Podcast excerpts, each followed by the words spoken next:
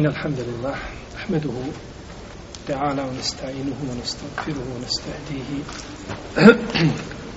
ونعوذ به من شرور أنفسنا ومن سيئات أعمالنا من يهده الله تعالى فهو المهتد ومن يضلل فأولئك هم الخاسرون وأشهد أن لا إله إلا الله وحده لا شريك له وأشهد أن محمدا عبده ونبيه ورسوله وصفيه من خلقه وخليله أما بعد فلا أصدق الكلام كلام الله تعالى وخير الهدي هدي محمد صلى الله عليه وسلم وشر الأمور محدثاتها وكل محدثة بدعة وكل بدعة ضلالة وكل ضلالة في النار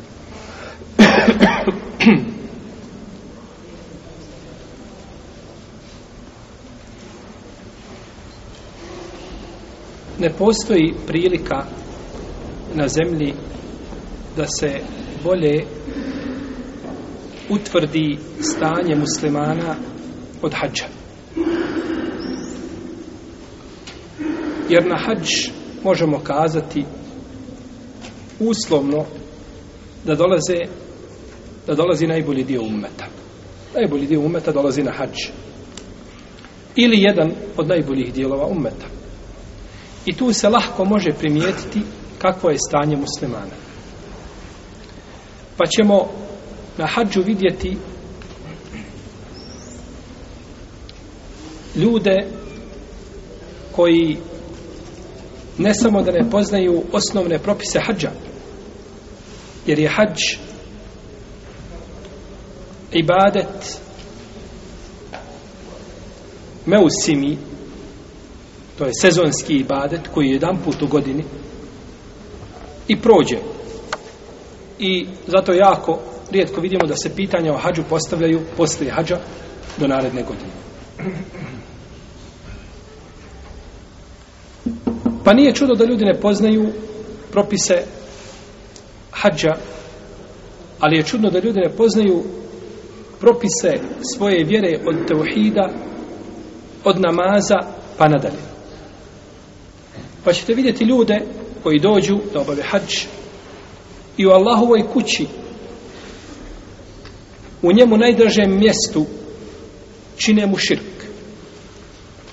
prizivajući ovoga ili onoga a svako ko priziva mrtvog ili živog i traži od njega ono što mu ne može dati mrtvi svakako ne može ništa a živi ne može osim određene stvari ako je prisutan da se zamoli za nešto to je drugo to je ono što može takav čovjek čini ono što smije tražiti samo da Allaha zavođa.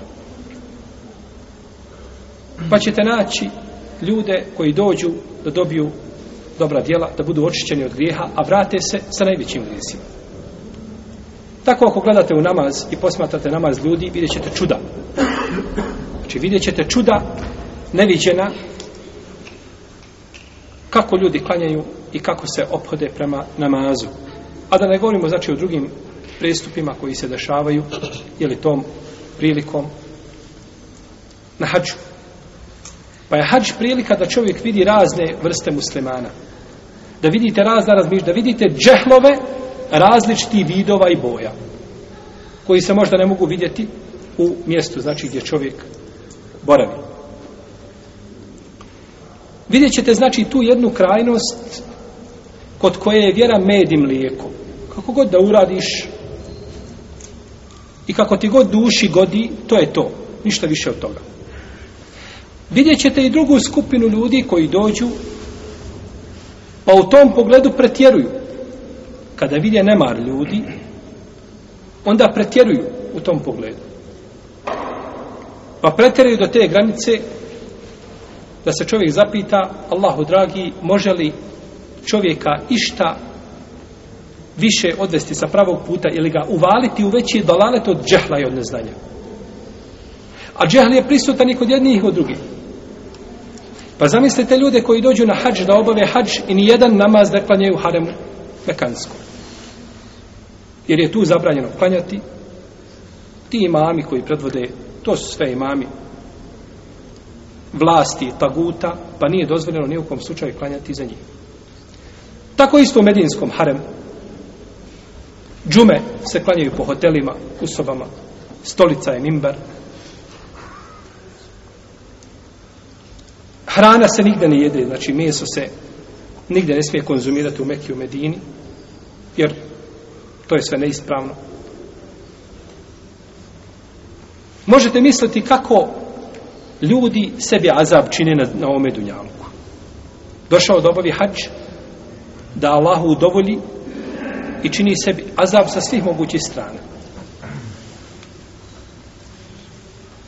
Oni ne samo da ne klanjaju za ljudima koji su imami u haremu.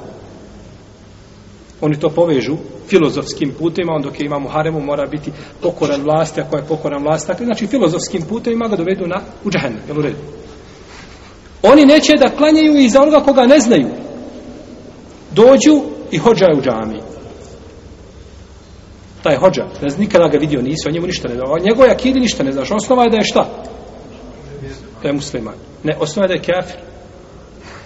To je ta osnova koja brka sve i ne može se iza njega klanjati. Dok ja tebe ne ispitam i ne propustim te kroz svoj filter da vidim kakav si ti musliman i na kojim si ti talasnim dužinama. I samo klanjaju ako neko predvodi od njih. I onda naravno nakon svega toga kažu nije taj dan bio refat nego je drugi dan i treba drugi dan ići na refat, kad je sam narod na, na kad tavaf obolja, oni su na refatu, kad su svi na, na, na mini, oni obolje, i tako da. Dođe i takva skupina ljudi. I to je jedno oličje truhlog razmišljanja i nesvatanja vjere. Nepozivanje na riječi islamskih učinjaka, već na samostalno svatanje. Pa je hađ mjesto gdje čovjek može vidjeti čuda neviđena. Pored koristi imanski svakako koje su primarni cilj, tu ima znači i drugih koristi, a to je da čovjek znači pozna razne vidove muslimana pa da kaže ne.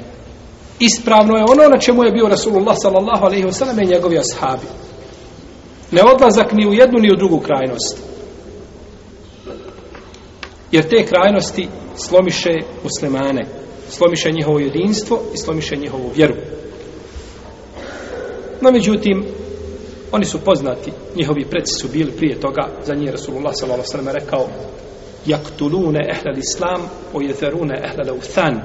Kaže, ubijaju muslimane, a ostavljaju pagane na miru.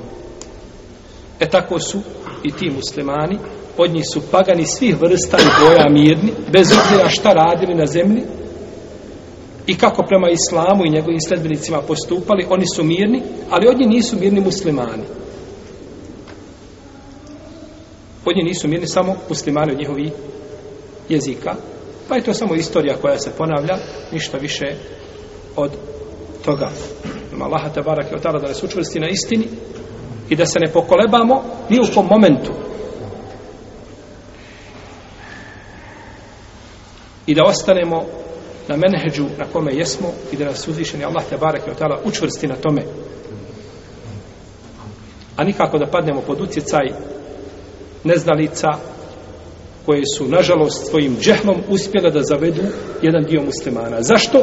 Zato one što su i zaveli, su isto tako džahili kao i oni.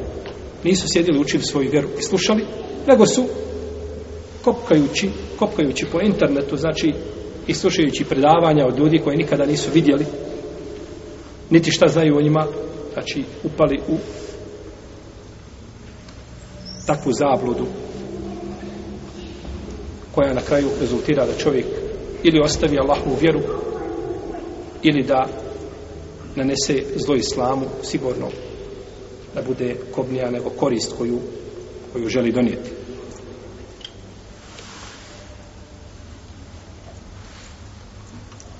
Što se tiče muslimana koji dolaze na hađ, a da ne znaju propise, tu odgovornost nosi svako onaj ko je vezan za organizaciju muslimane treba upoznati muslimane treba upoznati sa propisima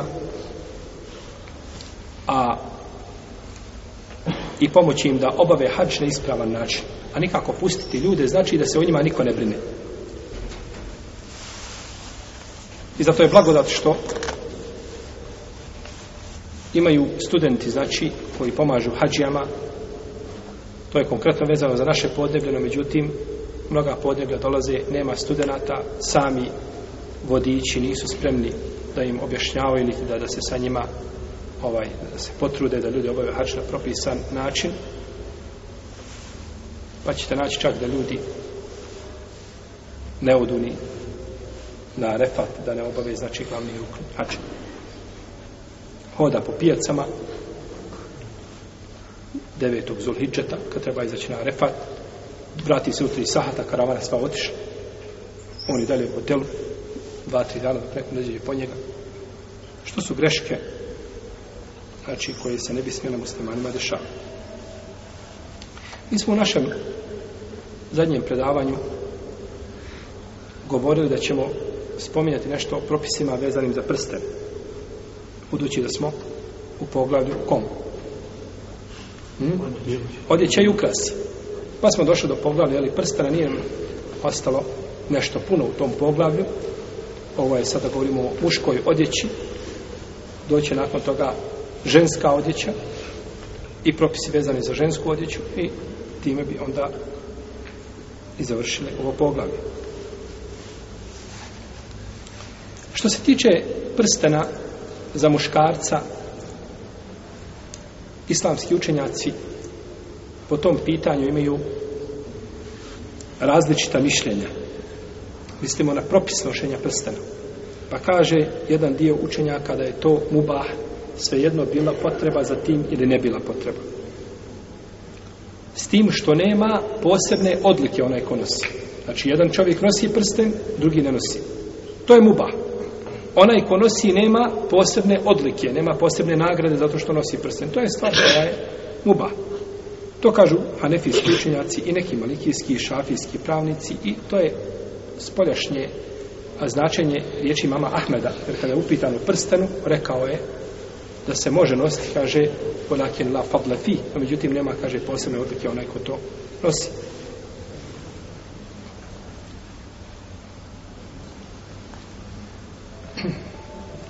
Drugo mišljenje da je to mustahab. Da je to nošenje prstena mustahab i to je stav nekih učenjaka iz prvih generacija. Od nje ima Malik i to je mišljenje kod ambelijskih pravnika. Treće je da je to mekruh osim čovjeku koji ima vlast. Bilo da je sultan, kalifa, bilo da je kadija, bilo da je namjesnik, bilo da je velija, znači bilo šta da je od, od, znači, od onoga, od onih koji imaju vlast, njemu je znači dozvoljeno da to nosi a ako to čovjek nosi koji nema vlasti to je suprotno prečem i bolje i to je stav nekih hanefijskih učenjaka i šafijski i mišljenje od habelijskih pravnika I imamo četvrto mišljenje da je to mekru općenito se nikako ne treba prste nositi to je Ibram Dober spomnio od nekih učenjaka da navodi njihova, navodi njihova imena ispravno je mišljenje da je čovjeku dozvoljeno da nosi zlat srebrni prste da nosi srebrni prste zlatni govorit ćemo o tome i govorili smo tako zlatni srebrni prsten musliman može nositi mu je dozvoljeno ali nema odlike nema nagrade za to osim jedino kada bi čovjek nije to nosio da čini ono što je činio poslanik sa osrame postoji mogućnost da može imati nagradu za to našto po ovome drugo mišljenje koje kaže da je mu stavu. Protivnom čovjeku je dozvoljeno u najmoj ruku je mu bah nosi prsten srebrni. A nosi srebrni prsten. Kaže Kadija ja, neki učenjaci su kaže složni da je čovjeku dozvoljeno da nosi srebrni prsten muškarcu, osim neki predaja što se spominju iz od učenjaka iz Šama. Neki učenjaci iz Šama iz prvih generacija, znači iz, iz ovaj, kažu da je to mekru i u tom pogledu navode jedan, jednu predaju koja je batil, koja je neispravna. Tako kaže imam neovisno da su neki učenjaci iz prvih generacija i Šama govorili da je to mekru, no međutim, i kaže čak navode jedan ether, jedno predanje u tom pogledu, no međutim, to predanje je iznimno, ima šudud, ima iznimku, znači pa ne može se prihvatiti. Dakle, propis da je nošenje prstena šta? Muba, dozvoljno. Bilo da je čovjek da ima nekakvu vlast ili da je nema bez obzira na to. Što se tiče zlatnog prstena, islamski učenjaci su složni da je nošenje zlatnog prstena muškarcu haram. Ne mekru, nego haram. Ne smije muškar, znači nositi zlatni prsten. To je zabranjeno.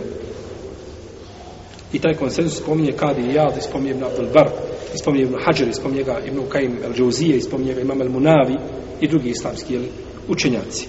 Rahimahumullah. I dokazi o zabrani nošenja zlatnog prstena su brojni. Kazali smo da je poslanik sa osvom prvo vrijeme nosio zlatni prsten, potom ga je šta? Bacio. Potom ga je bacio jedno kratko vrijeme, znači nosio prsten, potom ga je ovaj, zamijenio sa srebrnom.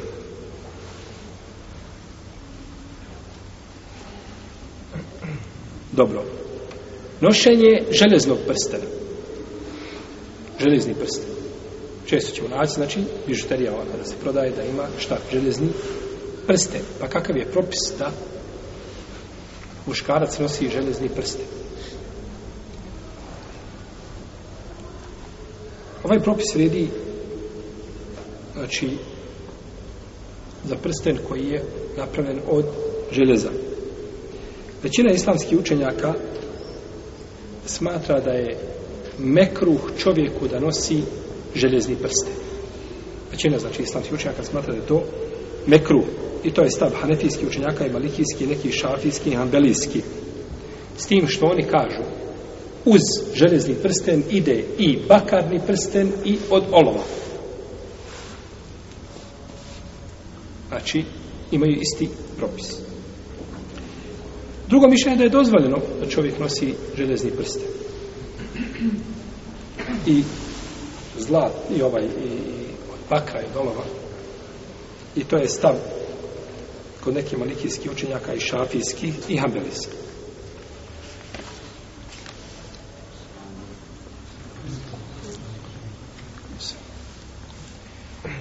Što se tiče dokaza Mi nećemo, naravno, ulaziti sada u detalje svega, ali ova pitanja koja su bitnija, poput pitanja železnog prstena, moramo bar stati kod par dokaza. Imamo hadis kod imama Ahmeda od Omara radijallahu ta'lanhu, da je poslanik sa osanem vidio čovjeka koji na ruci nosi zlatni prst. Pa mu je rekao, ilqi za, ilqi za, baci ga, baci to. Pa je čovjek tu skinuo i bacio. Pa je uzeo železni prsten i stavio na ruku. Železni prsten. Pa mu kaže Rasulullah s.a.v. Da šafun min. Kaže, to je još gore. To što si uradio je gore od onoga što si imao prije tu. Pa je čovjek uzeo sebi srebrni prsten, pa je prešutao poslanik s.a.v. Ovo je hadis koga bliži imam Ahmedu Domar. Imamo hadis koga bliži imam Buhari u svome dijelu. Lede bul mufrad, od Abdullah ibn Amra ibn Asa radijallahu ta'ala anuhuma da je čovjek isto tako stavio na svoj prst železni, zlatni prst. Pa kada je vidio negodovanje na licu poslanika sallallahu alaihi wasallame, skinuo je zlatni prsten i stavio železni. Pa je poslanik sallallahu alaihi rekao Hada šabun Hada hiljetu ahlin Kaže to je još gore.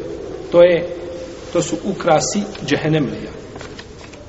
Tako džehenemlije nosi. Pa ga je skinuo i uzeo srebrni, pa je poslanik sa osvijem prešupo. Imamo hadis kod Nesaje i kod imama Tirmizije od Buredi ibn Husayna radijallahu ta'alanhu da je čovjek došao sa srebrnim prstenom, sa železnim prstenom kod poslanika sallallahu alaihi wa sallam.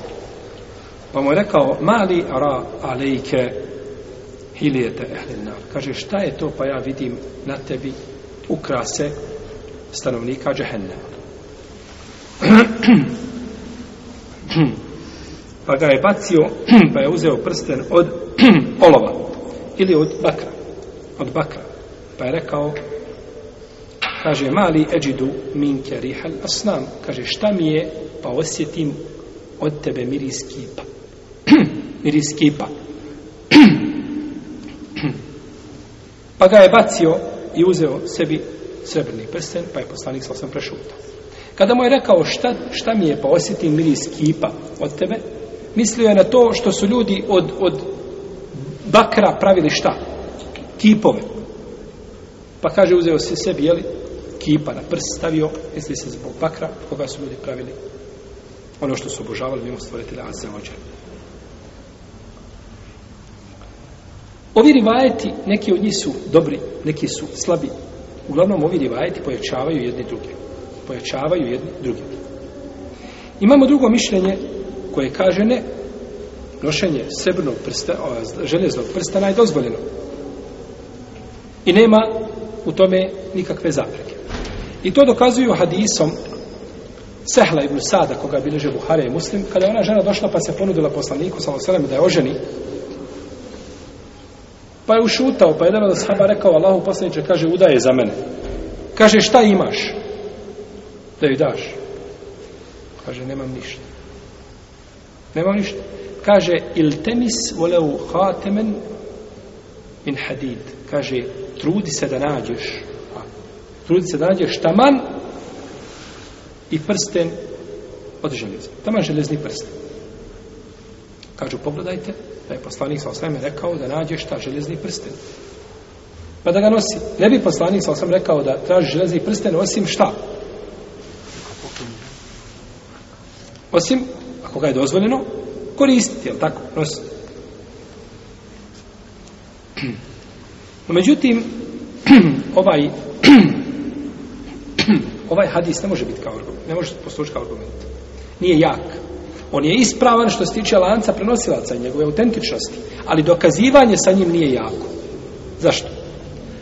Zato što poslanik sallallahu alaihi sallam kada je rekao traži ili nastoji da nađeš taman a, prsten od željeza ne mora značiti da je tražio da ga šta nosi na ruci nego da ga možda je u tome je htjela biti mu balega odnosno simbolika da se trudi da nađe bilo šta Jer nema bezvrijednije od železnog prstana. Kakva je to vrijedno železnog prstana? Pomarke, tako. Nema ništa jefti... Nego ti se trudi da nađeš, pa taman ono najjeftinije. Da je to nekakva simbolika. Jel u redu? Ješ u redu? Poslanik sam sam, na primjer, kaže u hadisu. Doće vrijeme kada će islam biti siguran i da će putovati dvije žene iz, sa juga, iz, iz Jemena do Šama, neće se bojati nikoga. Znači to da je dvijema ženama dozvoljeno da putuju sami? na kraju, pod kraju Dunjalka će biti ženama dozvoljene same putuju? Neće. Poslanik sa osvijem nije htio ovdje šta pojasniti propis putovanja žena sami. Nego je htio pojasniti šta propis onoga što će se desiti mir koji će nastupiti na zemlji, sigurnost koja će vladati. A nije time htio ukazati da, je sada da uzmu ljudi i sve hadise koji govore o zabrani putovanja žene bez mahrema da, da ih potaru i da ih maknu na marginu zbog hadisa koji kaže da će žene moći. Znači žene će kada bi putovale, ne bi šta strahovale, što ne znači da je dozvoljeno da je tako, da putuju. Što ne znači da je dozvoljeno da putuju.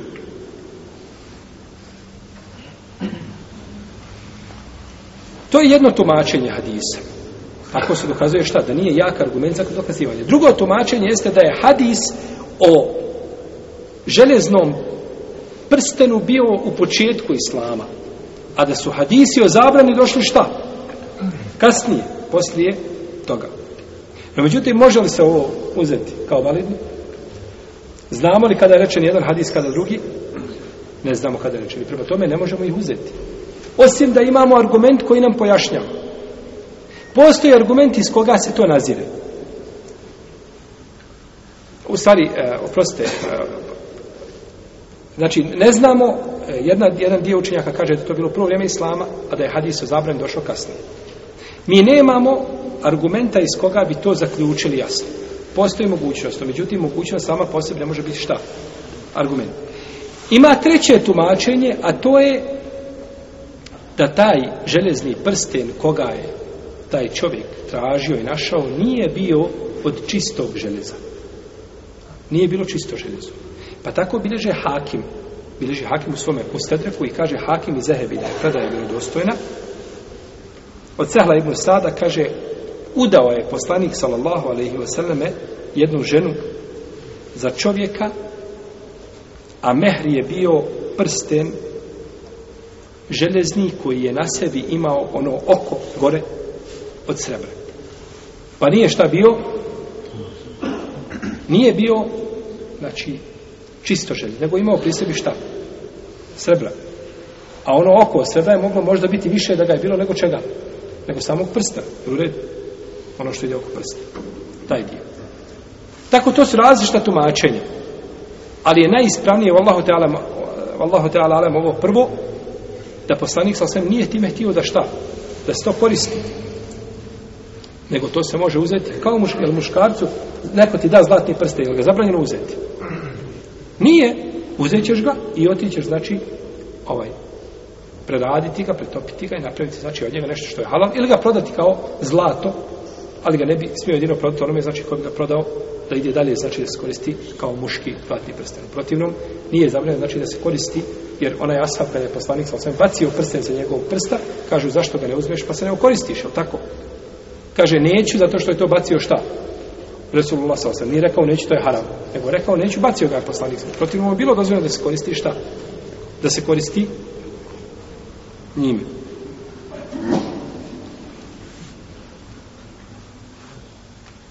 Pa ispravno mišljenje Allahu Teala da je, da je zabranjeno nošenje železnog prsta. No, međutim, ovdje većina uleme kažu da je mekruh. Koliko sam uspio onako gledati, nisam nešto posebno na, našao da je neko rekao da je haram od starijih učenjaka, da ima to mišljenje da je haram, možda ima, nisam uspio naći, možda treba dodatno ovaj, traženje i gledanje u riječi islamskih učenjaka, ali hadis ukazuje da je haram, prije nego šta je, da je mekro, kaže to je hilijet, ehven nar, to je ukras stanovnika džehennema. To ne bi samo bio mekro, to bi onda bilo više od mekruha, no međutim, ako islamski učenjaci nisu prešli te granice, onda je neće oni ne prelaziti onda pa ćemo stati, znači da kažemo u najmanju ruku, a osnovu predaja koji je spomenuti, to je, to je ovaj a, mekruh. Čuo sam šeha Albanija, koliko, sam, koliko se sjećam iz njegovih riječi da je govorio da bi, da bi to mog, da je to haram. Koliko se sjećam, znači ako se ne varam, nije kazao to, nego rekao da je to mekru, uh, haram i dokazivao ovim predajem, jer on je hadis koji govori o zabrani Abdullaha ibn Amra ibn Lasa, koga bilježi imam Buhari, u svom delu Edebul Mufred, ocjenio vjerodostojni, šeha Albanija tako da bi to na osnovu tih hadisa bi bilo i više od mekruha, znači više bi prema haramu. No, međutim, Allah ta'ala alem, u svakom slučaju čovjek treba to izbjegavati. Izbjegavati, znači da nosi, znači ovaj, uh, i ovo se odnosi kako na muškarce, tako na žene, ovaj propis. Znači ne bi bilo u tom pogledu razlike kako među muškarcima, tako i žene. Što se tiče, znači, ovog gornjeg dijela prstena, kako se zove, oko ili kako ćemo ga nazvati. Kažu oko prsta, jel? Ili, molim, kamen. Molim? Kamen. Oko, kamen. Zovite ga kako hoćete. Možda ponekad nema kamena, možda je od, od, od, od čega? Od, isto od srebra napravljeno, tako. Nije bitno. Ono bitno je da znamo našta cilja. Dozvoljeno je da bude od srebra i dozvoljeno je da bude od nečega drugog mimo srebra. srebra. Da li je dozvoljeno da, da taj kamen a ne kamen, oko da bude od, od zlata. Imaš šta? Srebrni prsten i gore je zlato.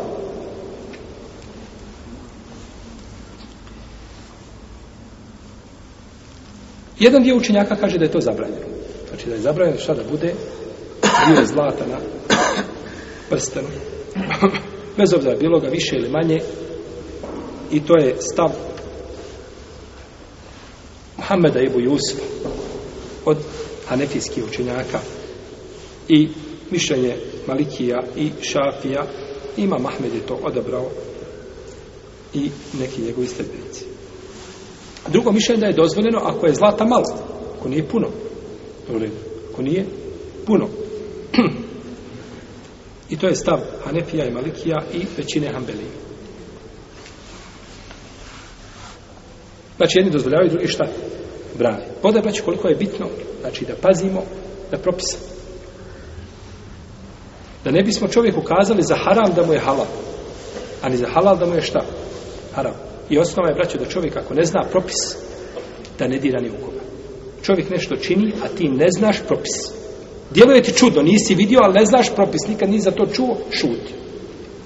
Ili ga pitaju na ime ruku, živ bio, možete samo pojasniti kako, zašto i čega, nisam to vidio, pa mi je nejasno ali da pristupiš osuđivanju a ne znaš propis to je, to je, belaj, to je belaj znači čovjek treba prvo se pouči i onda da pristupi osudi ili da se kaže ja sam naučio tako i tako vidim tebe da radiš suprotno možeš mi pojasniti nisam to nikad vidio ali znači, to nije osuđivanje to je više traženje šta da, da se pojasni pojašnjenje ili da se čovjek nauči ispravno je braćo da je dozvoljeno nositi prsten koji ima na sebi to zlatno oko. Ako zlata nema puno, ako zlata nema puno, onda je dozvoljeno. Dobro, šta je dokaz? Moramo imati šta? Moramo imati argument da je dozvoljeno. Dokaz je hadis koga bilež imam Nesaj sa vjerodostojnim lancem prenosilaca od Muavije ili Sufjana, ili Allahu ta'ala anhu, da je rekao neha Rasulullah sallallahu alaihi wa sallame al-lubsi dheb illa muqattan. Kaže zabranio je poslanik sa osim da se obla, nosi zlato osim da je u, dje, u komadićima. Znači kada bi čovjek imao nešto od, od, od prstenu, pa na jednom dijelu ima malo zlata, na drugom dijelu malo zlata, to neće smetiti. Jer tu zlato, u tom slučaju zlato, nije glavna materija, nego je sporedna materija, u redu. Pa ne kažemo da je prsten šta? Zlate. Možeš nekome doći prodati zlati prsten, u redu. Ja jedan dan idem gore iz Zenice, vraćam se. Čovjek, njemačka registracija, parkirao je na laše auto i zaustavlja on, maše. Vidio da je nekakav problem. Ja stao, pričao njemački. Kaže, pomozim. Samo vi će pomozim. Dobro, šta je problem? Kaže, nemam goriva. Koliko pa nije to problem, stara mu majka, nema na stalo goriva. Kaže, nemam goriva, kaže, nemam para. I meni je ovako pun šako zlata. Znači, kaže, sve ti ovo kaže dajem, samo mi kaže daj 50 eura da, da ovaj, da natankam gori. Ja uzeo ono zlato, gledam, stvarno ima onaj pečat, znači zlato, ima to su muški zlati prstenje, ogrlice nekakve, one, one, one, one, džambo, one ogrlice, teže. Nešto, to, to nema za 50 eura, znači to nema na zemlji, znači kada bi ga, kada bi ga 100 puta snizio, sniženje jedno pa drugo, pa stotinu puta, opet ne može na 50 eura doći. To ima 300 grama zlata, bolo slike. Ja se osvijem rekao, rekao, slušaj, rekao, uzmeš ako ovo zlato i odeš na benzinsku pumpu. I on će ti za jedan ovaj prsten natankati pun tank goriva, tako? Ti ćeš se dogovoriti s ovim radnikom. Ne, ne, kaže, ja, meni trebaju pare. Kaže, daj 50 maraka. Daj 50 maraka. Prodaje zlato. Pa zlato, naravno ja to nisam kupio, jel? To se vidi, znači to kad doneseš, to nećeš doći do kuće, ono će pocrniti. To je napravljeno da drži dva, tri dana. Tako i on ako odradi nekoga za tri dana, to je to ako ne odradi, može ga baciti. On, on od, od vazduha, od, od vlažnosti vazduha, on će pocrniti. A, pa ako je zlata šta? Malo. Onda ne smeta. Zato što zlato nije glavna materija, ne kaže se znači da je šta?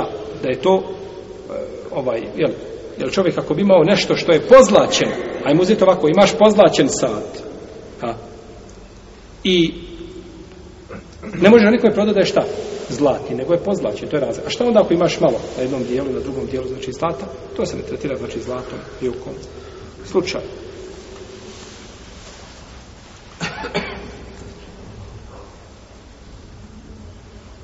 Pa ispravno znači da je dozvoljeno. Zato kada bi čovjek vidio nešto na muslima. Ko to ostavi, ne želeći to donosi, zato što ima zlato, ima pravo na to. Sjećate se od pitanja svile. Sjećate se od pitanja Molim? Ne razumijem. Bijelo zlato. A bijelo zlato, ti pitaš o propisu bijelog zlata. A bijelo zlato je isto zlato. Bilo kakvo da je zlato nazvano ovom ili onom vrstom, ono je zlato i ima isti propis.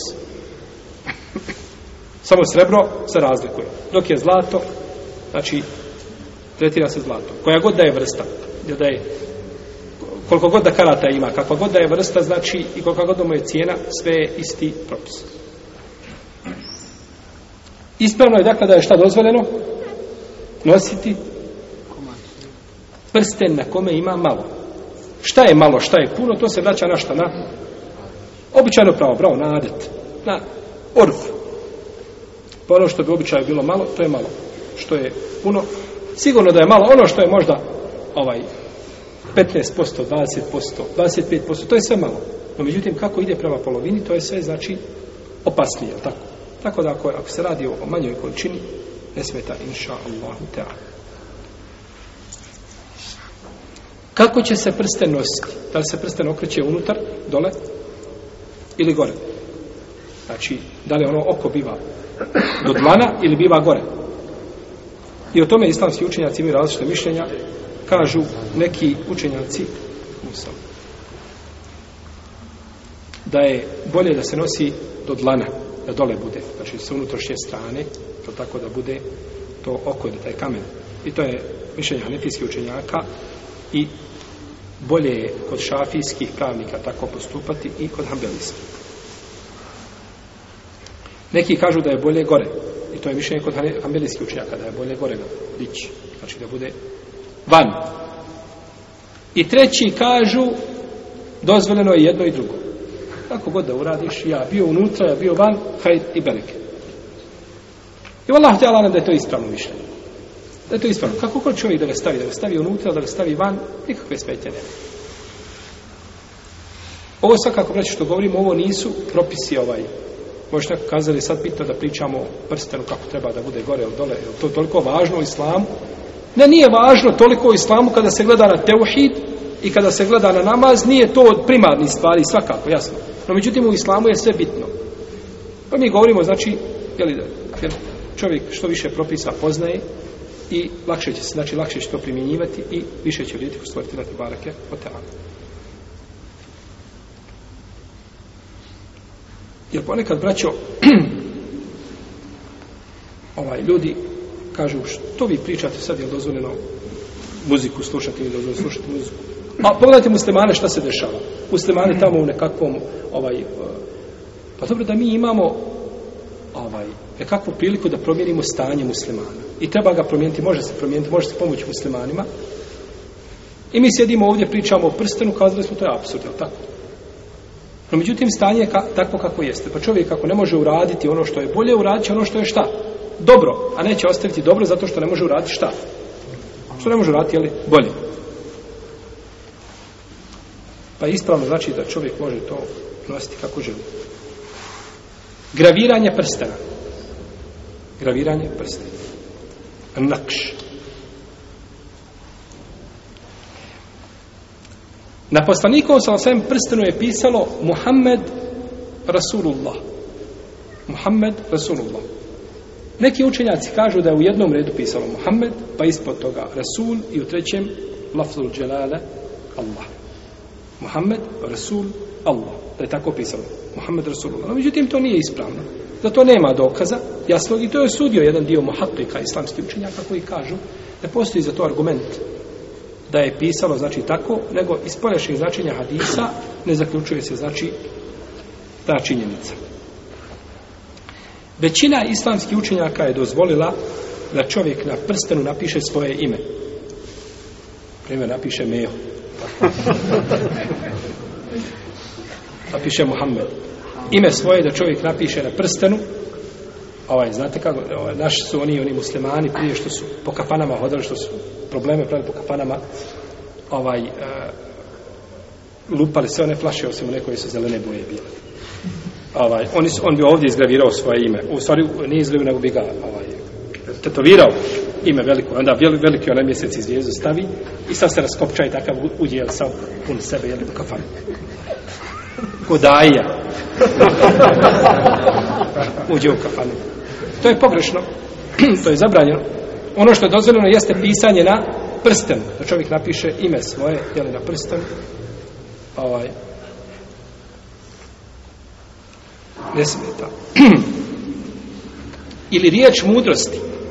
Na primjer, da napiše na prstenu, sjeti se smrti. Ha?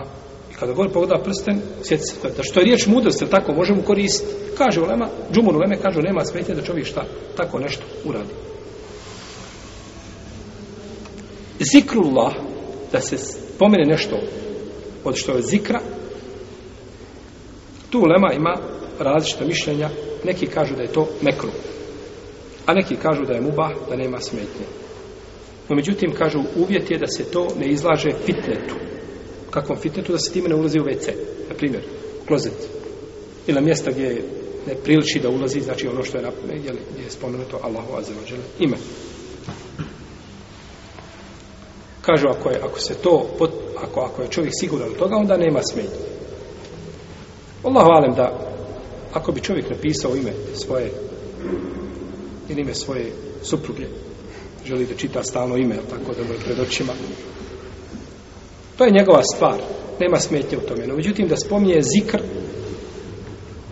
to je preče ne činiti. Zato što čovjek ne može uvijek biti na umu, da neće ući, jel tako, na mjesta gdje je ovaj, da neće mu ruke dotaći na džasit, jel tako, neće ruke dotaći na džasit.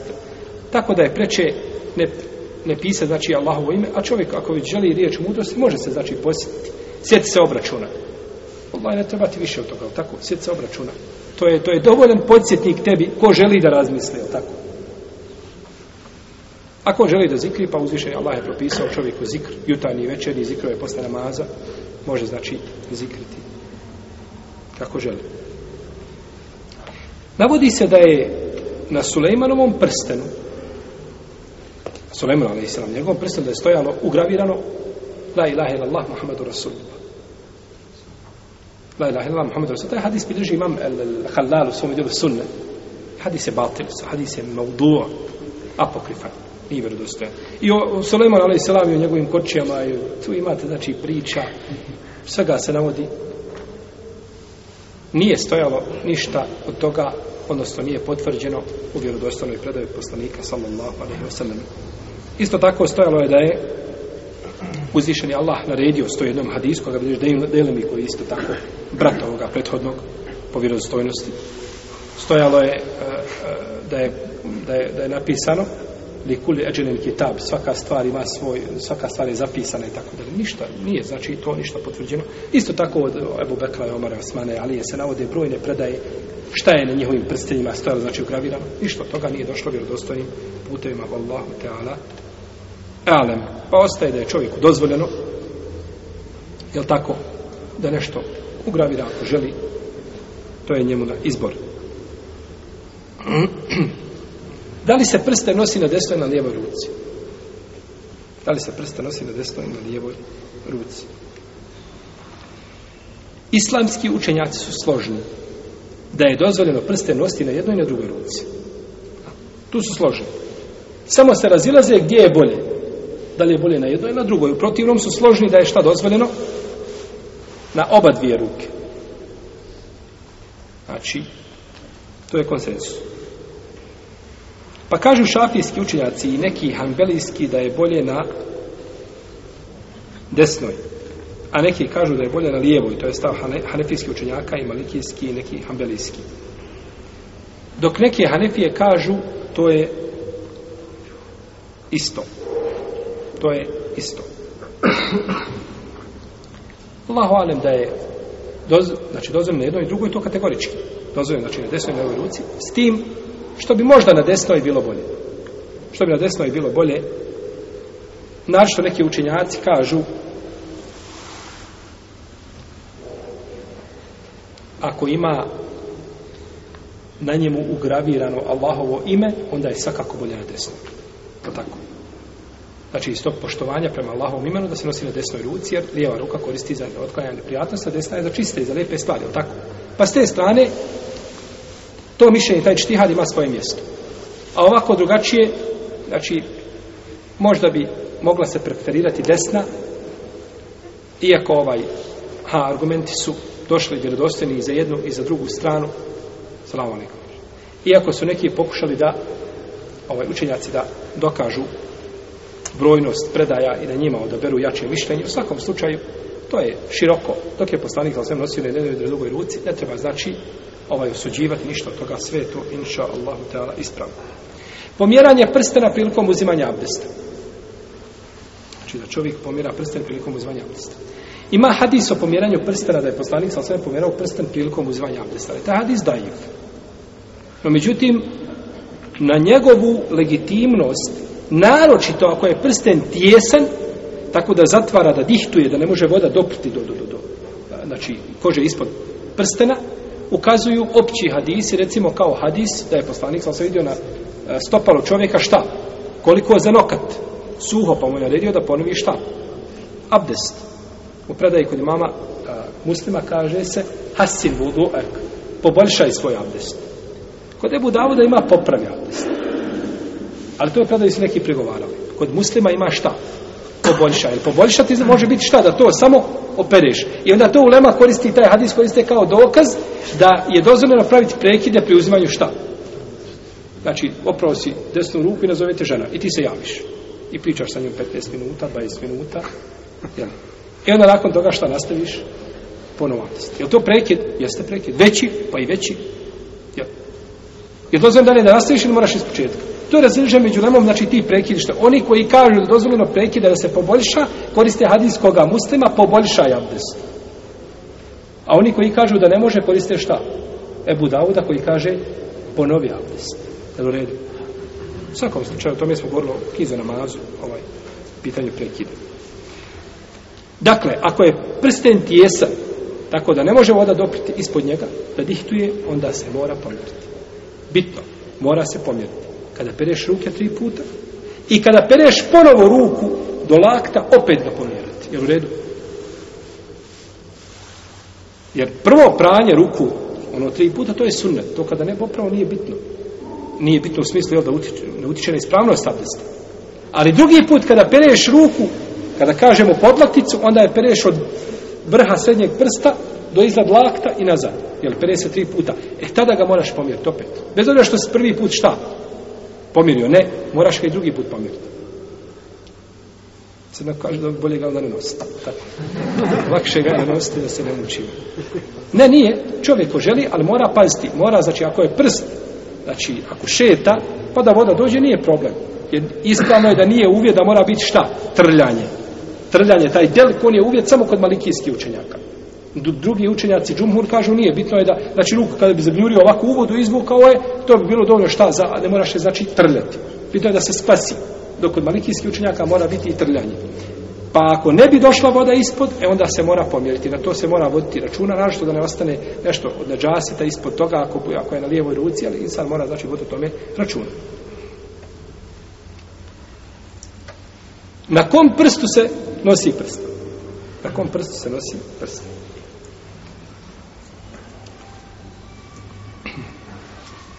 Dozvoljeno je čovjeku da nosi u stvarno ovako, zabranjeno je čovjeku da nosi prsten na kaži prstu i da nosi na srednjaku.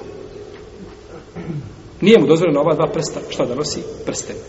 Jer je došlo u hadisu Alije koga bileđuje muslim da je rekao, kaže, zabranio nam je poslanik sa da nosimo prsten na ovom i ovom, pa je pokazao na kaži prsti na srednjak. Znači, ta dva prstena je ta dva prsta, na njima se ne smije nositi prste. Govorimo o muškinjama, jel u redu? O muškarcima. Na ova dva prsta se ne nosi prste. Poslanik je, sallallahu alaihi sallam, nosio prsten na hunsaru. Na ovom malom prstu. Desne ili lijeve ruke? I desne i lijeve. Desne ili lijeve. Ovo nije bilo pitanje, nego potvrda. Desne i lijeve. Neko odmah došao da odabere jače mišljenje. Ne, nije. Nego znači desne i lijeve ruke. Znači da odabere. Šta mu je draže? To je njegov izbor. Ali na čemu? Na malom prstu. To je sunnet. I sad su nam ostala ova dva problematična. Prstenjak, što kažu za njega, ili do mali, ili do srednji, nije bitno. I palac. Šta je s njih? Po pitanju ta dva prsta nemamo ništa. Ni dozvolu, ni zabranu. Ni dozvolu, ni zabranu. Pa je osnova Allahu Teala e'an. Allah najbolje zna. Da je osnova je da je to dozvoljeno. Da je dozvoljeno čovjeku tamo gdje je šarijet prešuta u stvarima koje su osnovi mubah, osnova da je to šta? Mubah. Da je trebala biti zabrana, to bi šarijet zabranio. Znači, dok nije došla naredba ni zabrana, osnova je da je to muba. Ima neke uleme koji kažu, ne, ne nosi se, samo na malo. I ovo mi liči pitanje, braćo, na pitanje kose ili dlaka na čovjekovom tijelu. Na čovjekovom tijelu imamo tri vrste dlaka. Imamo dlake koje je Allah naredio da se moraju puštati, ne smiju se dirati. Poput obrva. Obrve ne smiju se dirati. Znači, obrva mora biti i obrve, znači zabranjeno je čupati. Poput pitanja brade, zabranjeno je brijati. Imamo drugu vrstu dlaka, a to je što je naređeno da uzimaš. Kao čupanje dlaka ispod pazuha i brijanje sa stidnim mjesta, na primjer. I imamo treću vrstu koja je, koju je šarijet prešutao. Kao, na primjer, dlake koje izrastu na grudima muškarcima. Žena svakako, njoj je lijepo da depilaciju čini radi ženstvenosti i tako dalje, no međutim, što ćemo sa muškarcem? Je li mu to dozvoljeno da to uzima, da to krati i da to čupa? To je ta treća vrsta koju je šta? Prešuto, nije širjeti ništa spomenuo. Pa ako bismo kazali sad da, da je zabranjeno, ovi što se slomiše po fitness centrima, ovi bi se ne dodali na nas. Je tako? je tako? Znači, osnova je da je to mubah poslanje to mubah, iako a braćo žena želi u kući muža. Žena ne želi ženu u kući, nego želi muža. A to je od prirode muža. Prirode muškarca. Tako. Prirode muškarca. A nije od prirode žena. Dakle, šta smo rekli sa prstenjem? No, međutim, braćo, po pitanju palca, ne znam, u moje duši nešto me kopka. A nemam dokaza, nemam dokaza, ali po pitanju palca nešto me kopka. Ženi je dozvoljena na sve pet prsta donosi prste. To kod nje nije sporno. Ona je, žensko je tako, tako. Daju zlata, daju lepi halina, daju ovaj, e, lepe odjeće i garderobe. To je, to je priroda žene. Pa tako. Allah je stvorio prirodu, znači žene. A oškarac je drugačije prirodu. No međutim, po pitanju palca, neki kažu da je to odlika, danas, u naše vrijeme, ne možeš kazati to za ranije, da je to odlika one blage struje homoseksualaca da oni to da oni to nose na ovome prstu da se tako da pozne kažu danas u Evropi tako kažu Allah vale ne znam nisam je nikad vidio ovaj niti kako se nose ali ako je to onda treba izbjegavati zbog čega zbog ponašanja njih I onda zaista, zaista muškarca nosi, ovaj, neizgledno je, Znači, neizgledno je to da nosi čovjek prst. Zašto? Neka olema kaže, zašto je na malom prstu? Kažu, kada se uzima nešto i daje se, to se uzima i daje, prima se, a ovo je odvoje, neće smetati prste, neće ni zašto zapinjati, neće u redu, nego uzimaš i daješ i on je naj, najzadnji vam, u redu. Pa nećeš nikoga ometi. Kažu, to je jedan od mudrosti. Allah te Allah, šta je mudrost? Mi ne znamo šta je mudrost. Ali je poslanik sa tako šta? Nosio prste, u redu.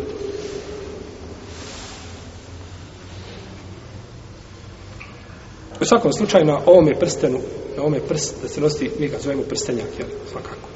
Ne smeta da se nosi. Allah te da ne smeta da je to dozvoljeno. Zašto čovjek ako ima prsten veći, da ga sad mora nositi, da, da, da, da ga smanjiva i tako dalje, ništa mu tada dozvoljeno da tome nema, ako Bog da to nema smetnje, jer nema zabrane. Osnova je to šta? Muba. A mi nećemo zabraniti ono, osim ono što je zabranio šarijat. Nemamo pravo da zabranjujemo, znači, od sebe. Dobro, je li dozvoljeno nositi prste na kome, na kome ima, na primjer, dijamant ili akvamarin, ili na kome ima safir ili nešto slično tome. Dozvoljeno je po mišljenju hanefijskih učenjaka i po mišljenju nekih šafijskih. Po mišljenju nekih, znači, hanefijskih učenjaka, po mišljenju hanefijskih i šafijskih učenjaka, to je dozvoljeno. Dok neki hanefijski to smatraju da je mekru i neki šafijski i to je mišljenje mama Ahmeda.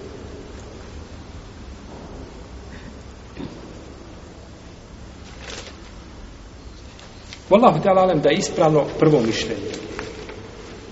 Da je to dozvoljeno. Da je to dozvoljeno jer nema zabrane. Nema opet zabrane. U redu. Da bude ono drago kamenje gore kao ukras.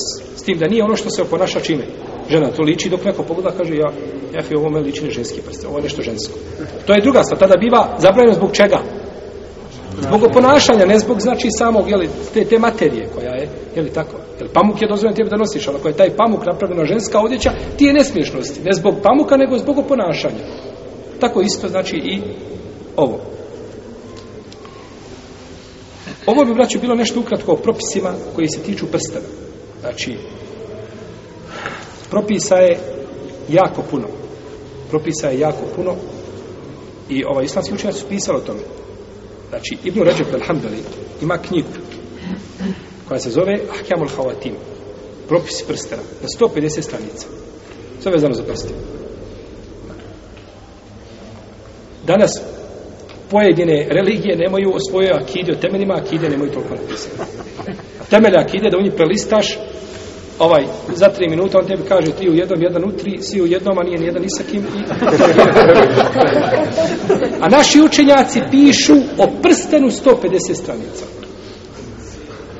Wallahi da čovjek mu kaže da nema nikog imana, kažeš pogledaj šta je u islamu napisano, o čemu se vodi islam, brigu da gleda to, kaže, pa jahi, pa ovo je vjera koju treba posvetiti pažnju i ovo je, znači, ovo je ono što ti garantuje budućnost, ovaj, i na ovome na budućem svijetu, znači, ima, ima, znači, nekakva briga o, o, o, o toj vjeri i o propisima, znači, koji se tiču vjeri.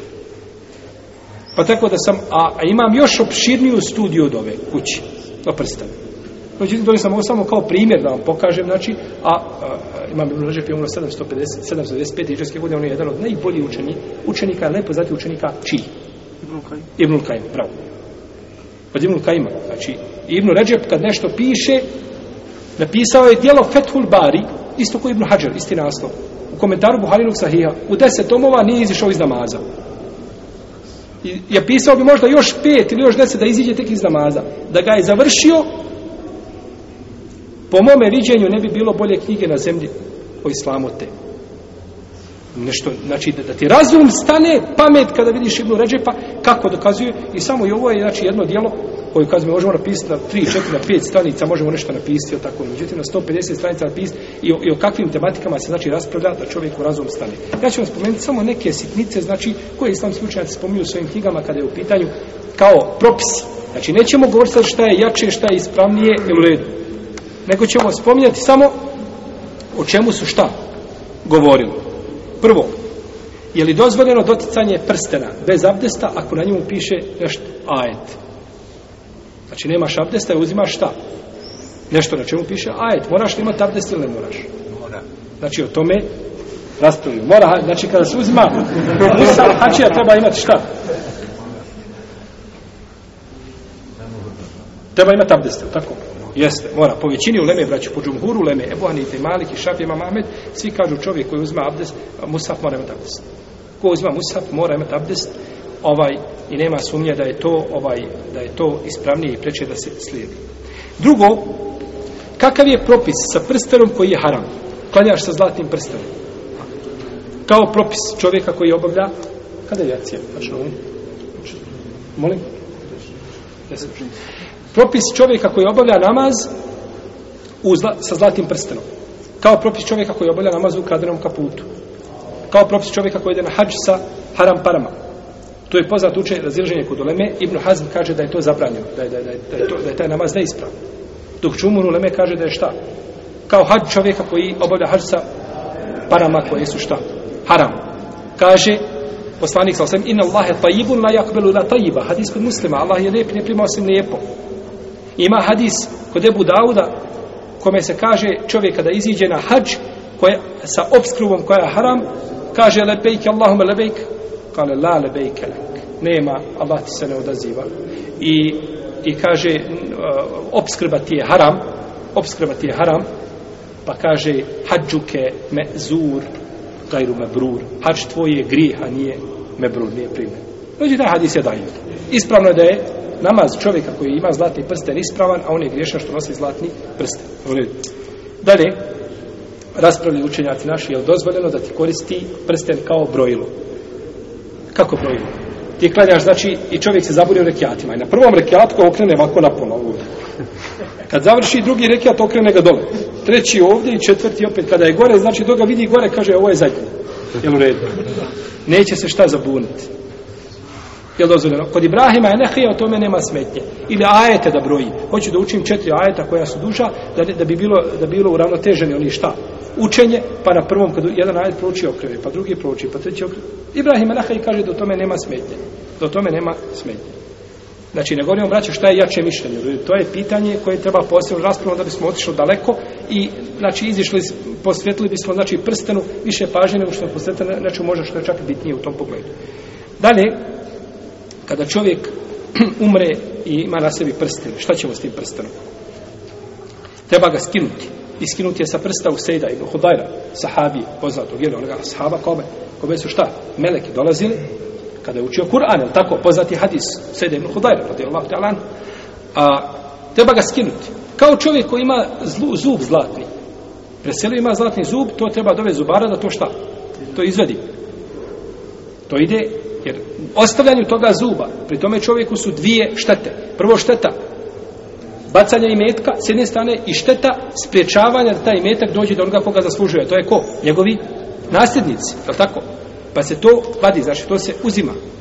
Znači, tako isto prsten, bio da je zlatni ili srebrni, skida se, ako je zlatni, pretopi se, pr pr proda se, znači, preradi se, jer ga nije dozvoljeno kao zlatno koristi muškarcima, a ako je srebrni, onda svakako biva nasljedstvo, jel, njegovih jeli, ovih, uh, eh, varese nastavnika.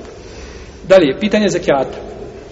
Kod tri mezheba ne treba davati zekijat kod četvrtog anefijskog treba, poznate ono razilođenje, ali anefijski učenjaci kažu da, je, da se obavezno daje našta na, na, na akid, da se daje zekijat. Dalje, prodaja prstenja i prodaja znači ta da se ne, odmah ne primaju pare i da se kasnije primaju pare i o tome su islamski učenjaci govorili. Dalje, pitanje iznajmljivanja prstena dođeš da izajmiš prstenje, dozvoljeno da izajmiš prstenje za žena izajmiš prstenje za svadbu, da se sva ukiti u zlatu, da bude na svadbi ili što, lepša. Pitanje, ako uzmeš taj, iznajmiš taj prsten ili neko ti pozajmi prsten i ti ga uništiš, izgubiš ga. Pozajmi ti komšija zlatni prsten, ti ga staviš na prst, iziješ na polje, odeš negdje, prošetaš, vratiš se, nema prstena, neko ti ga prehladio. Evo red. Znači, to je kod nas lahko u tramvaju, znači ako ne paziš malo i prsten ti može sa prsta otići. Znači, ne znam što se može desiti. Ako si uzeo zlatni prsten od komšije i neko ti ga uzeo i izgubio ga ti, nisi mu dužan da mu ga šta? Namiriš. Je tako? Kao da komšija zaboravi svoju tamburu na put i ti najdeš autom i pregaziš. Nisi dužan šta da mu platiš tamburu, jer tambura haram. To je muzički instrument, to je zabranjeno, to nema vrijednost u šarijetu. Ili komiša iziđe, ima svinju, iziđe svinja na put, čovjek je udari autom, po šarijatskom zakonu nisi dužan da mu to namiri, da joj namiri štetu, bilo da je ubiješ ili da se drugo desi, jer svinja u šarijetu nema čega. Nema vrijednosti, to je kao alkohol, kao alkohol, u redu.